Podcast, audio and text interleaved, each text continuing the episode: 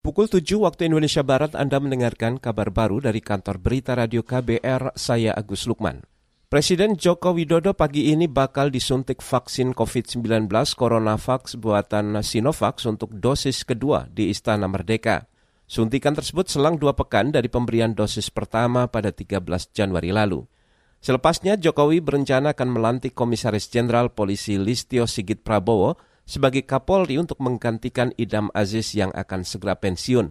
Pelantikan akan digelar di Istana Negara. Jadwal ini telah dikonfirmasi oleh Ketua Sekretariat Presiden Heru Budi Hartono.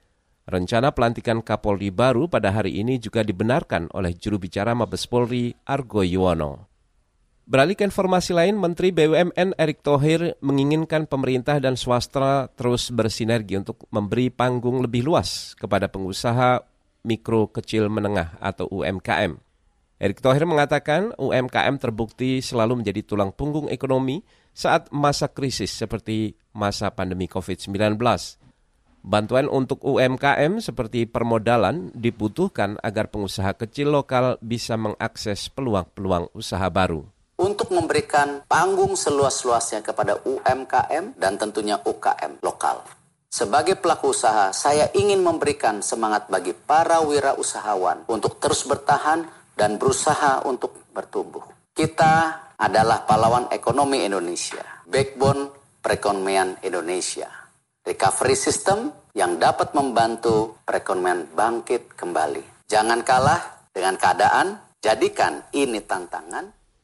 Itu tadi Menteri BUMN Erick Thohir.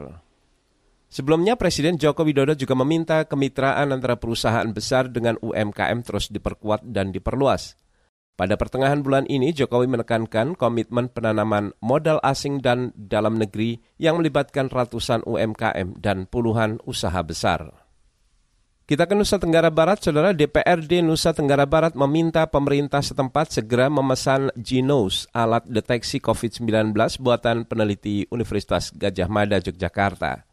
Anggota Komisi Kesejahteraan DPRD NTB, Hairul Warisin, mengatakan alat ini dibutuhkan untuk mengecek status kesehatan sebagai syarat perjalanan. Harus cepat dan tanggap untuk mensiasati hal yang begini. Jadi jangan hanya sebagai pendengar. Itu maka efek positifnya kepada masyarakat yang melakukan perjalanan ke mana-mana, itu kan lebih murah dia. Anggota DPRD Nusa Tenggara Barat Hairul Warisin menambahkan tingkat akurasi alat deteksi cepat Genos tinggi dan berbiaya murah. Harga satu kali tes hanya sekitar 15 hingga 20 ribu rupiah. Ia juga meminta pemerintah daerah membuat regulasi yang mendukung penggunaan Genos untuk melayani masyarakat. Demikian kabar baru dari KBR, saya Agus Lukman.